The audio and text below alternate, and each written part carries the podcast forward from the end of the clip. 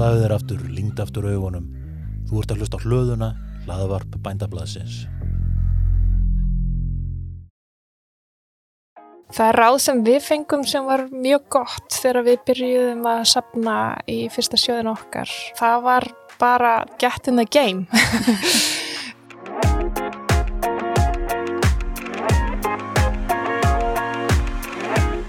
Viðmælandi minn í dag er Jenny Rutt Hrapsdóttir, ein af meðstofnendum Króberi Capital. Króberi er íslensku vísisjóður sem stopnaði var af Helgu Valfells, Heklu Arnáðóttur og Jenny Rutt. Þær hafi verið að gera frábæra hluti og fjárfæst í framúskarandi fyrirtækjum og undanförnum missurum. Þetta er Konur þurfa líka að stýra fjármagninu með Jenny Rutt. Til mín er komin hún Jenny frá Króberi Capital. Velkomin Jenny. Já, takk fyrir það. Takk kærlega fyrir að koma til mín. Mjög gaman bara að fá að vera hérna að tala um Króberi og hvað við erum að gera. Gætur sagt mér bara í stuttumáli frá þínu starfi hjá Króberi? Já, það er alveg sjálfsagt mál. Við hjá Króperi við fjárfestum í nýsköpunar fyrirtækjum, tæknidrifnum nýsköpunar fyrirtækjum sem eru bara mjög snemma á sínum lífsferðli. Oft er bara vöru hugmynd á borðinu, stundum ekki komin að neina tekjur. Þannig að okkar starf fælst í því að skoða þessi fyrirtæki og í rauninni kannski fyrst og fremst skoða hvaða framtíðamöguleika þessi fyrirtæki hafa. Og það eru náttúrulega marga leiðir að þessari skoðun. Við skoðum alltaf mjög svona grænt bara teimið, hvernig það er samsett af sérsett stopnendum hvers fyrirtækis, hvort þeir hafi ólíka reynslu, hvort að þau séu með ólíka mentun, hvað þau hafa verið að gera áður og fyrir hverju þau brenna. Og svolítið mikilvægt að það séu svona nokkrir hattar eða fólk með nokkra hatta inn í hverju teimi og síðan alltaf skoðum við líka tæknina sem við verðum að beita og svona mjög náið hversu hratt þessi tækni er að þróast. Það skiptir svolítið miklu máli þessi hraði. Hvort það munir taka meira en tíu ár að koma tækni af rannsóknastíi yfir í að komast í almenna nótkunn eða hvort það takir kannski minn en tvö ár og þetta er bara svo mismunandi og þar sem að eins og sjóðurinn okkar hann er 7-10 ár að þá er svolítið mikilvægt að við séum að horfa á tækni sem að kemst hratt í nótkunn en við viljum samt finna hann að snemma þannig að það er kannski áskorunin að finna eitthvað sem er rétt að verða tilbúið Og síðan er annað element sem við skoðum mjög mikið og það er svona hvaða viðskiptamótili er verið að beita til hliðar við tæknina og hvort að við teljum það að vera að virka vel með þessari tegum tækni. Þannig að þú lítur að hitta mikið af áhugaverðu fólki. Já, það er alltaf skemmtilegast að þetta starf að við erum að hitta fólk bara allan daginn og við fjárföstum á Norðurlöndum þannig að við hittum líka mjög marga svona á, á stafrænan hátt, skulum við segja. Og það er bara rúsilega gaman að, að kynnast frumkvöðlum. Það er svo drífandi og jákvægt fólk og með ferskar hugmyndir og ég get bara ekki ímyndað með skemmtlara starf, sko. Hvenar vissir þú að þetta var það sem tilangað að gera? Já, það er góð spurning, sko. Það hefur sannilega verið svona kringum 2013-14 Ég var að vinna hjá startupi út í Boston og við vorum með vísisjóði sem bakhjartla og þá svona satt ég henni með með borðið og sá hvernig þeir voru að vinna, þessi sjóðir og það voru alveg fjóri sjóðir sem að koma að félaginu. Og sem er mjög stórir og, og aðrir minni. Og það er náttúrulega líka þessi mismunandi stig sem fyrirtækinn fara í gegnum og það eru svona óliki fjárfestar sem koma að því. Og ég bara svona fann svolítið brennandi löngun þá til að mitt kannski efla þetta hér. Og, og sá alveg fyrir mér að ég gæti mitt setið hinn með henn við borðið og svona reynd að koma með þessa menningu sem ég kynntist í bandaríkjónum meira hingað. Þetta er áhugavert að tala um að setja sig ykkur með við borðið því ég er svolítið foröldin að vita hvað þú myndir segja að væri svona þínir helstu eiginleikar sem þú kemur með að borðinu. Ah, þetta, er, þetta er góð spurning. Lítið speilin. Um, já, þetta er ekki auðvelt, sko. Sko, ég hef bara einhvern veginn alltaf verið í þessum tækni heimi. Ég læriði verkfræði á sínum tíma og starfaði í össuri í mörg ár fyrst bara sem vöru hönnur og svo fór ég yfir í vöru stjórnununa og kynntist á meira mörguðanum og hvernig það er að koma vörum út úr þróunadeildinni og í markasetningu og almenna nótkunn og síðan náttúrulega var ég líka kannski í þessum startup heimi þarna út í bandaríkjónum og þá er maður svolítið búin að, að kynnast fyrirtækjum á ólíkum stigum. En alltaf svolítið svona tækni tengdum fyrirtækjum eða vegferðum og ég held að það sé alveg góð reynsla fyrir fjárfestingarnar ég held að svona þessi struktúrhlutir varandi fjárfestingarnar eins og samningar og hvað á fjárfesta miklu það er kannski auðveldara að bara læra þá þegar maður byrjar heldur en að tilenga sér stjúpanskilning á fyrirtækjarekstri á ólíkum stegum og tækni þróunina. Mm -hmm. Þannig að ég held að það hef bara verið gott veganesti og ég held að það bara standi með mér. Og síðan náttúrulega myndi ég líka segja að það var rosa góð skóli hjá Össuri að hafa farið í vörustjórnununa og vera svona ítt út á markaðina og fá ekki að vera í kannski sælói hérna í þróunadeildinni heldur virkilega að þurfa að finna lausnir með sölustjórum og þeim sem voru að virkilega að selja vörurnar. Og þá kannski læri maður svona samstarf við fólk sem hefur ólíka sína heiminn en maður sjálfur mm. og ég held að það sé líka mjög hjálplegt því að við erum að hitta fjölda fólks og, og það eru allir með sína sín og oft mjög sterka sín og, og það er svona gott að geta reynd að setja sér í spór annara eða hafa minnstu kosti umburðalindi fyrir sín annara. Og svona í þinni vegferð, hvaða hindranir myndið þú segja að þú hefur þurft að takast á við til þess að komast ánga sem þú ert í dag? Já, nú kannski ekki tvalið mikið við hindranir en það eru náttúrulega alltaf einhverjum svona hólur í veginum. Og ég held að sem kona í tækni þá var það oft kannski mín svona eigin upplifin að ég væri svolítið svona gestur í þessum heimi, bara svona fá að vera með og var mjög heppin að fá svona góða mentora á leiðinni sem að íttu á mig og kannski svona sögðu, heyrðu, segðu skoðanir þínar, við viljum heyra þær.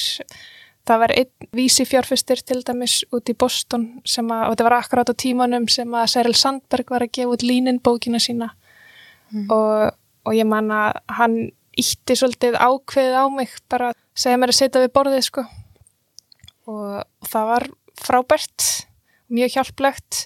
Þannig að þar voru þetta kannski svona þetta var ég sjálf sem var að halda aftur á mér, miklu frekar heldur en umhverfið að stoppa mig.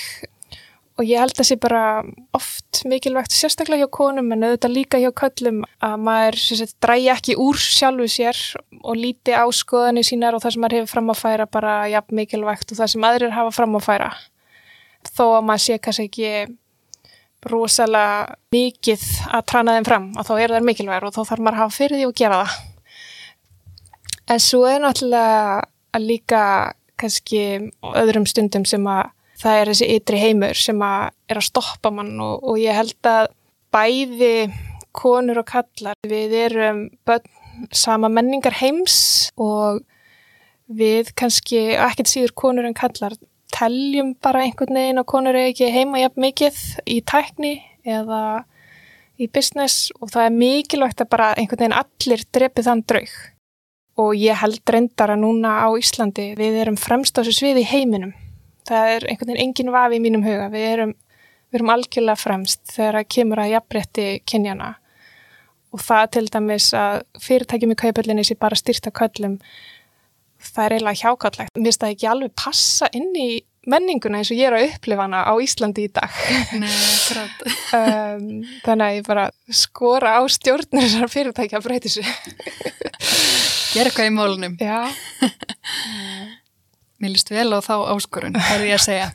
Um, en nú þegar við tölum svona kannski um þetta samfélagslega viðhorf, hvaða hlutverk heldur þú til dæmis að fyrirmyndir spili í að brjóta þetta upp?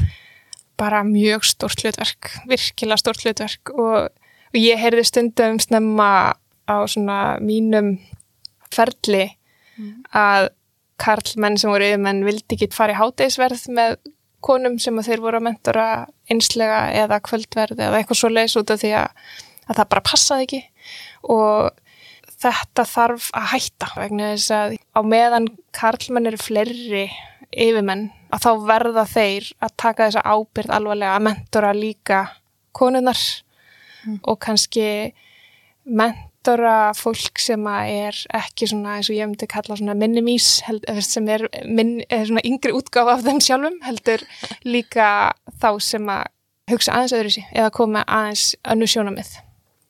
Þannig ég held að, að þetta sé rosalega mikilvægt og það er stundum verið sagt og ég held að sé bara mjög viðegandi að það kemst enginn áfram að sjálfu sér. Það þurfa allir svona promoters eða ég veit ekki hvað er gott íslenskt orðið verða en stökkpalla kannski? Já, kannski, a... já, ítir þeim áfram sko, vegna þess að það er hluti af ferlinu að komast upp á næsta level.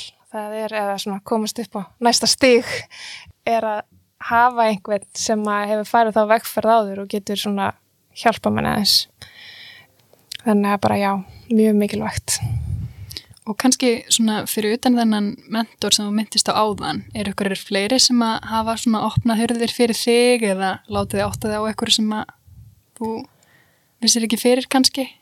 Uh, já, alveg, ég get alveg, þú veist það eru nokkri sem koma til hugar. Það var líka annar aðili sem að ég vann með þeim mitt í Boston sem var mjög áfram um að hjálpa mér og þetta er náttúrulega eftir fjármálarhrunnið hér sem að ég fer út og það var erfitt almennt bara að fá spennandi störf líka á östuströndinni á þessum tíma. Þannig að hann þurfti virkilega að hafa fyrir því að koma, vísa prósessnum öllum af stað og hérna, við höfum unni saman áður þannig að við svona þekktumst frá dögunum í össuri mm -hmm. og já, ég myndi segja að það var rúslega gott að finna þetta og ég reyndi líka að koma þessu áfram því að til dæmis eins og fæðingarorlofi í bandaríkjónum er eiginlega bara uh, óþægt fyrirbæri. Og já og hérna og það var til dæmis eitt starfsmæður sem var í mínu teimi þar sem að er kona og konan hennar var að fæða bann og hún vildi fá að taka þrjár vikur í launalust fæðingarólof og mm. það sprutt upp miklar umræður í fyrirtekinu og þó að hún var í mínu teimi þá hafðu samt hinnir yfirmennir miklar skoðanir og sterkar skoðanir á þessu máli en ég hugsaði bara já, þú veist, hérna er líka mjög mikilvægt að við komum með kannski svona okkar íslensku viðsýni eða ég með mína íslensku viðsýni og, og hjálpi þeim að sjá hvernig heimurinn getur árðu aðeins öðru í sig þannig að hún fór í sitt fæðingrólof og, og nautast vel Það er frábært að heyra fólk sem gengur vel tala um fólki sem stutti við baki á því í gegnum þeirra vegferð. Fæst er nánefla árangri alveg á eigin spýtur, þó að veri stundi vera svoleiðis svona á yfirborðinu. Það er því mikilvægt að geta hleyið og leita sér aðstofar og kannski ennþá mikilvægara, eins og Jenny segir, að aðstofa svo aðra þegar tækifæri gefst. Þegar ég spurði Jenny hvað ráð hún hefði til þeirra sem hefðu huga á að gerast vísisfjárfestar, hafði hún þetta að segja. Það er ráð sem við fengum sem var mjög gott þegar við byrjuðum að sapna í fyrsta sjöðun okkar. Það var bara get in the game. Vegna þess að þetta snýst svo rúsalega mikið um tengslanett og að þekkja og skilja hvað aðrir er að gera og hvernig svona heimurinn einhvern veginn er að hreyfast og, og þróast. Og þá verður maður eiginlega bara einhvern veginn að byrja.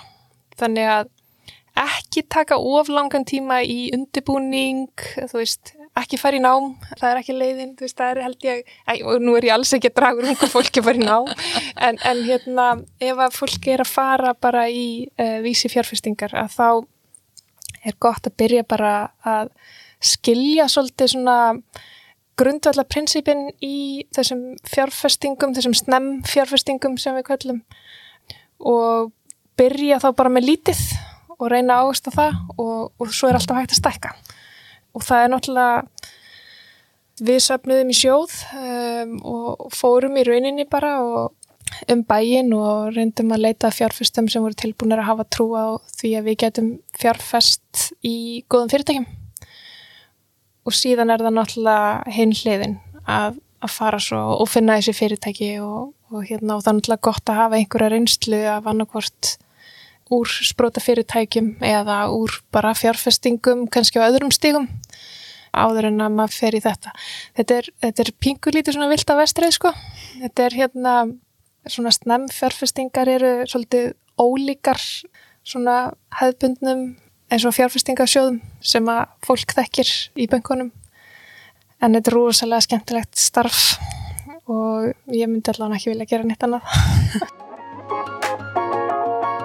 Króperi Capital hefur ákveðna sérstöðu í heimi fjárfesta. Og ekki bara vegna þess að sjóðurinn er stopnaður og stýrt af konum, heldur vegna þess að stopnendu fyrirtækjana sem þær fjárfesti eru fjölbreyttari en gengur og gerist. Ég spurði Jenny út í stefnu og aðgeri Króperi til þess að fjárfesta til jafns í hvenn og kartleitum verkefnum og af hverju það væri mikilvægt. Ef við tökum aðeins bara svona stöðuna í dag í Evrópu, þá er sér sagt tæplega 1% af vísi fjárfestingum að fara til hvenn stopnenda. Sem að teimin eru bara konur síðan er svona á bylunum 6-8% að fara til blandaðra teima þar sem stopnendur eru af báðum kynjum og afgangurinn er að fara til hópa þar sem stopnendunir eru allir karlkynns. Þetta er úrslega stórt vandamál í Evrópu og kannski stærsta vandamálið er að við erum að missa af tækifærum því að konur eru alveg að stopna fyrirtæki, þær eru að gera alls konar hluti en það er ekki verið að fjárfesta í þessum tækifærum þannig að þau eru svolítið töpuð eða þau komast allavega ekki á næsta steg og get ekki orðið mjög stór. Við hefum líka haldið vel utanum alla sem er að koma til okkar og það er ríflega 13% af þeim sem óskafti fjárfestingu sem eru teimi sem eru bara samsett af konum og ríflega 13% sem eru blöndu teimi. Þannig eru við með einhver um 27% sem eru konur í teimunum og afgangurinn eru bara karla teimi.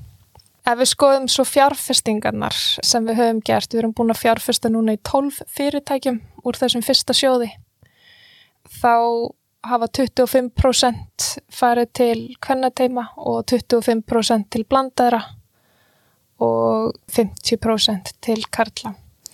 Af þessum kvennablönduðu teimum þá er 44% af eignasafninu okkar er stýrt af konum sem framkomtastjórum þannig að það hlutfall er svona nánast jæft þegar kemur að framkvæmda stjórastöðum. Kanski það sem að ég vil helst segja um þetta vegna þess að það er, maður heyrir ítrekkað hjá vísi sjóðunum að það vanti svo rosalega mikið hvern frumkvöla, þeir bara kom ekki til þeirra og það sé ástæðan fyrir því að þeir sé ekki að fjárfesta er hreinlega bara að á meðan eins og við erum að sjá að, að 13% af þeim sem komið til okkar er hrein kvennateimi og meðan þetta gapir svona stórt þarna á milli þá likur vandamálið ekki hjá þeim heldur hjá okkur, hjá fjárfestunum. Síðan náttúrulega er það líka bara þannig að í þessum fjárfestasjóðum eða í þessum vísisjóðum að þá eru mjög fáakonur. Það er eitthvað ríflega 300 sem eru á meðeganda stíi í heiminum Þannig að 1% af okkur eru hjá króperi. það er ekkert smá. Já, það er bara alveg skelvilegt. Um, það er að breytast hratt. Þannig að þetta er svolítið gömultala í fjekkana svona 2018. Vonandi er hún eitthvað aðeins að lagast núna. Já, en hérna, þetta er hluta vandamálinu. Konur þurfa líka að stýra fjármagninu og ég held að það er stundum sjáu tækifæri nöðri sig. Ekkert alltaf, stundum bara alveg eins, en ég myndi segja að þetta liggur mjög mikið á fjárfestingar hliðinni á meðan gatið á milli þess hversu marga konur kom og byggðum fjármagn versus hverju er að fá er svona stort. Það er oft talað um sem sagt að kallar og konur hafi ólíka eiginleika í viðskiptum og ég fæði allavega ofta tilfinninguna þess að ég svolítið verið að reyna að tróða konunum frekar í kalla formið heldur en að fagna kvenlegum eiginleikum. Ég er forveitin að vita hver sín skoðun er á þessu og hvað þú telur að hægt að gera til þess að breyta því. Já, ég er mjög sterkar skoðunar á þessu, sko.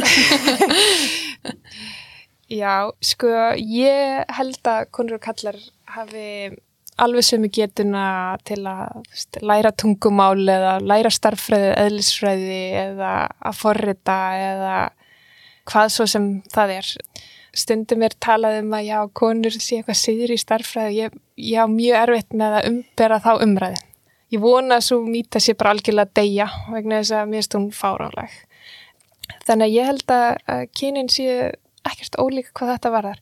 Ég held að kynin séu kannski frekar ólík þegar kemur einmitt eins og þú nefnir í viðskiptum, hvernig þau svona ganga fram og þegar við vorum að tala um líninn bókina á þann þá var það á þeim tíma þarna í kringum kannski 2013 mikið talað um að konur eru bara að vera agressíværi og bara segja sína skoðun og, og ég held að það sé alveg rétt að vissu leiti og ég fann það bara á mínum starfsferðli að ég þurfti virkilega svolítið svona að taka í nakadrambuðu sjálfur mér og bara og segja skoðun mína og, og ekki láta eins og ég væri einhver gestur. En á sama tíma að þá þurfa kallmenni líka að læra miklu meira að hlusta og rauninni sjá virðið í öðrum aðferðum og öðrum nálgunum og til dæmis oft verið talað um hvað konur séu umbyrðulendi stjórnendur. Og ég held að það sé alveg frábær eiginleiki já, stjórnendum sem fara fyrir stórum teimum að geta sínt mikið umbyrðalendi og geta sett sér í spór annara og svolítið svona hugsað um heldina og ég held alveg að kynin séu ólík þarna en það, menna, konur eru bara ekki með jafn mikið testosterón eins og kallar og bara öðlilega þá einhvern veginn eru við öðrísi en það sem að ég vil alls ekki ruggla því við get getu fólks til að læra að forrita eða hafa djúpan skilning á eðlisfræði. Hvað myndið þú segja að væri einkenni góðs frumkvöðls? Það er fyrst og fremst eiginlegin til að, að læra og vera tilbúin að læra og bæði af mistökum og líka því sem hefnast vel og einhvern veginn geta tekið það með sér upp á næsta stygg ég held að sé bara ekkert ja, mikilvægt í svona því að stopna sprótafyrirtæki og vera frumkvöld heldur en ekki að lært og vera tilbúin að vaksa.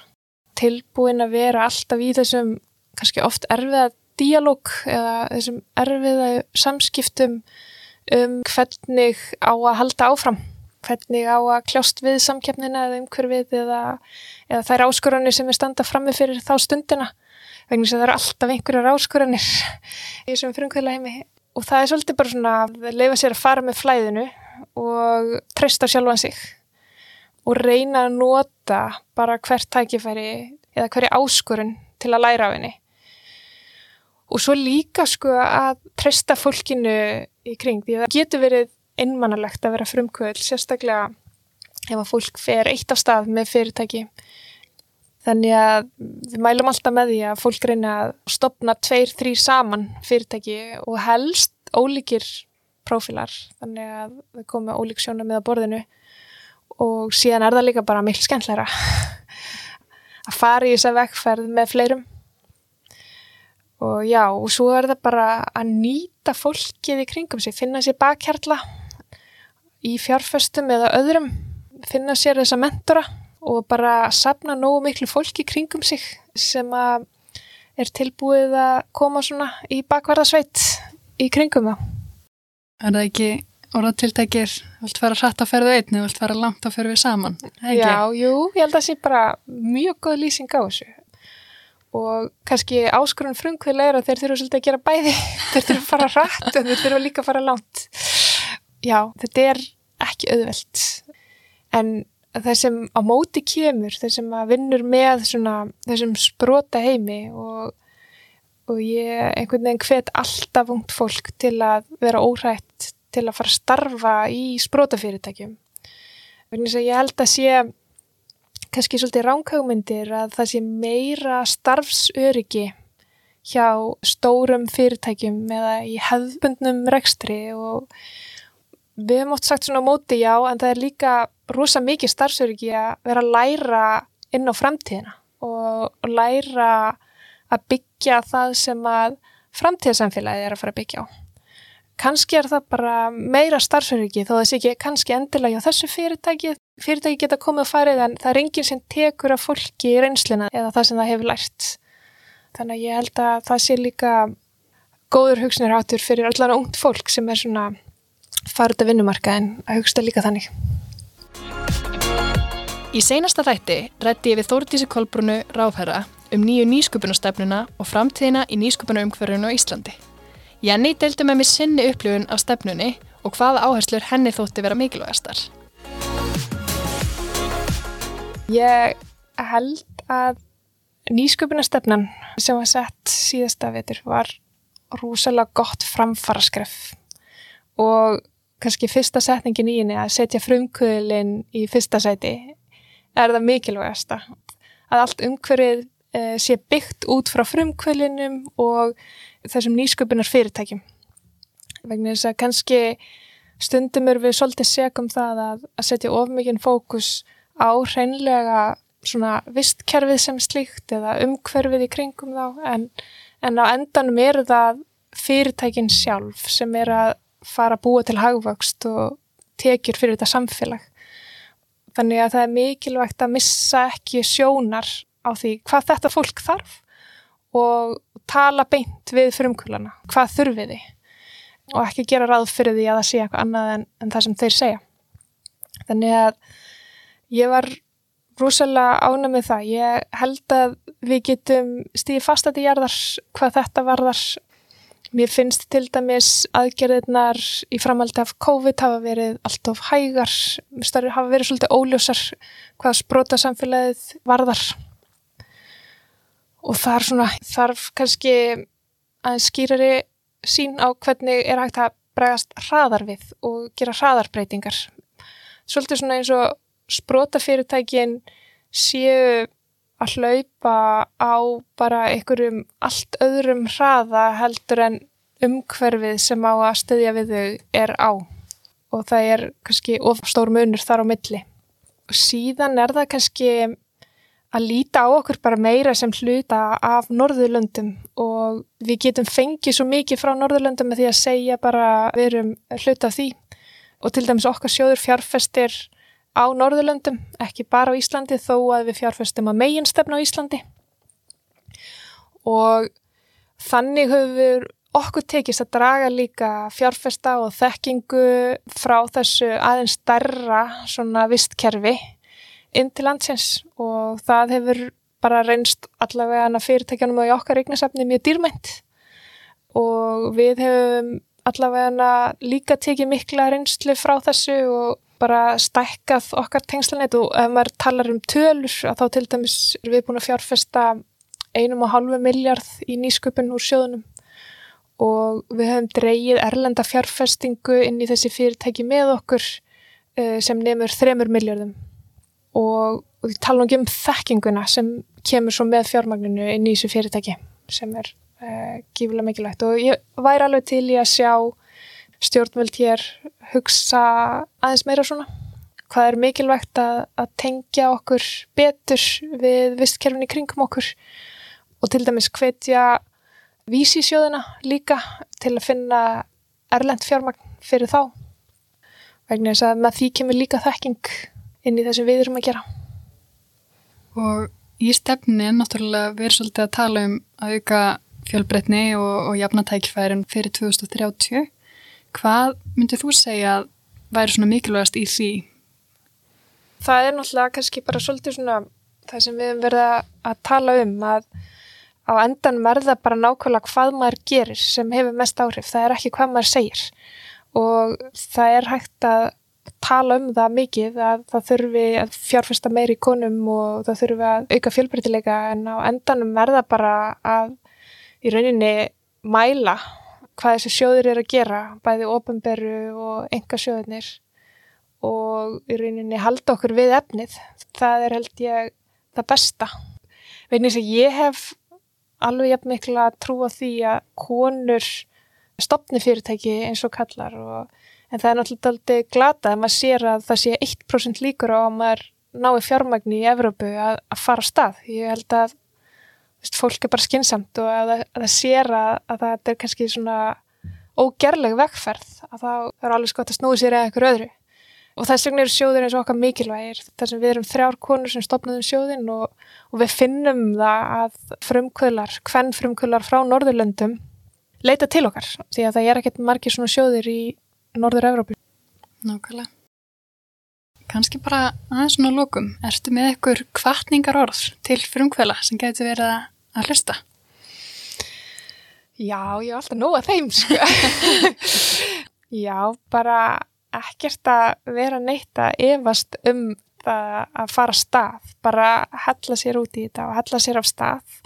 Finna gott fólk með sér. Hafa þetta skemmtilegt og þetta verður ekkit auðvelt en þetta verður potti skemmtlegt og mikið lærdómskurfa alltaf öll þau sprótufyrirtæki sem ég hef starfað með eða starfað í þá hefur þetta verið alveg frábær skóli. Og síðan bara kannski svolítið svona nekja á þessum punkti sem við vorum að tala um aðan við erum að fara inn í þess að fjóruðu innbildingu ég held að þetta sé bara betra starfsöryggi inn í fremtíðina að starfa í sprótufyrirtæki og vera að kljást við nýjungar og reyna að þróa nýjungar sem að fleita samfélagin okkar áfram heldur en að vera hrættur og láta þetta bara vera fjarlægan draum sem að maður kemur ekki í verk. Nákvæmlega. Þá eitthvað sem að þú vilt við þetta bæta? Nei, ég vil bara þakka fyrir mig, þetta er búið að vera mjög skemmtilegt og hér gaman að fá að tala um Króperi og bara endilega hvetja fólk sem er eitthvað að hugsa þessum nótum að, að kíkja til okkar um að gera, senda okkur línu og við tökum öllum opnum örmum sem er í einhverjum svona hugleðingum og drífa sér að stað, sko. Áfram gakk. Já. Frábært. Takk kærlega fyrir að koma, Jenny, og spjalla við mig. Mín var ánægjan, takk fyrir. Vefsíðan hjá Króperi er www.kroberrycapital.com og það er meðalansagt að finna tölvupóstin hjá hann í enni og öllu teiminu. Svo ég mæli með því að við tökum hann á orðinu og nýtum okkur það.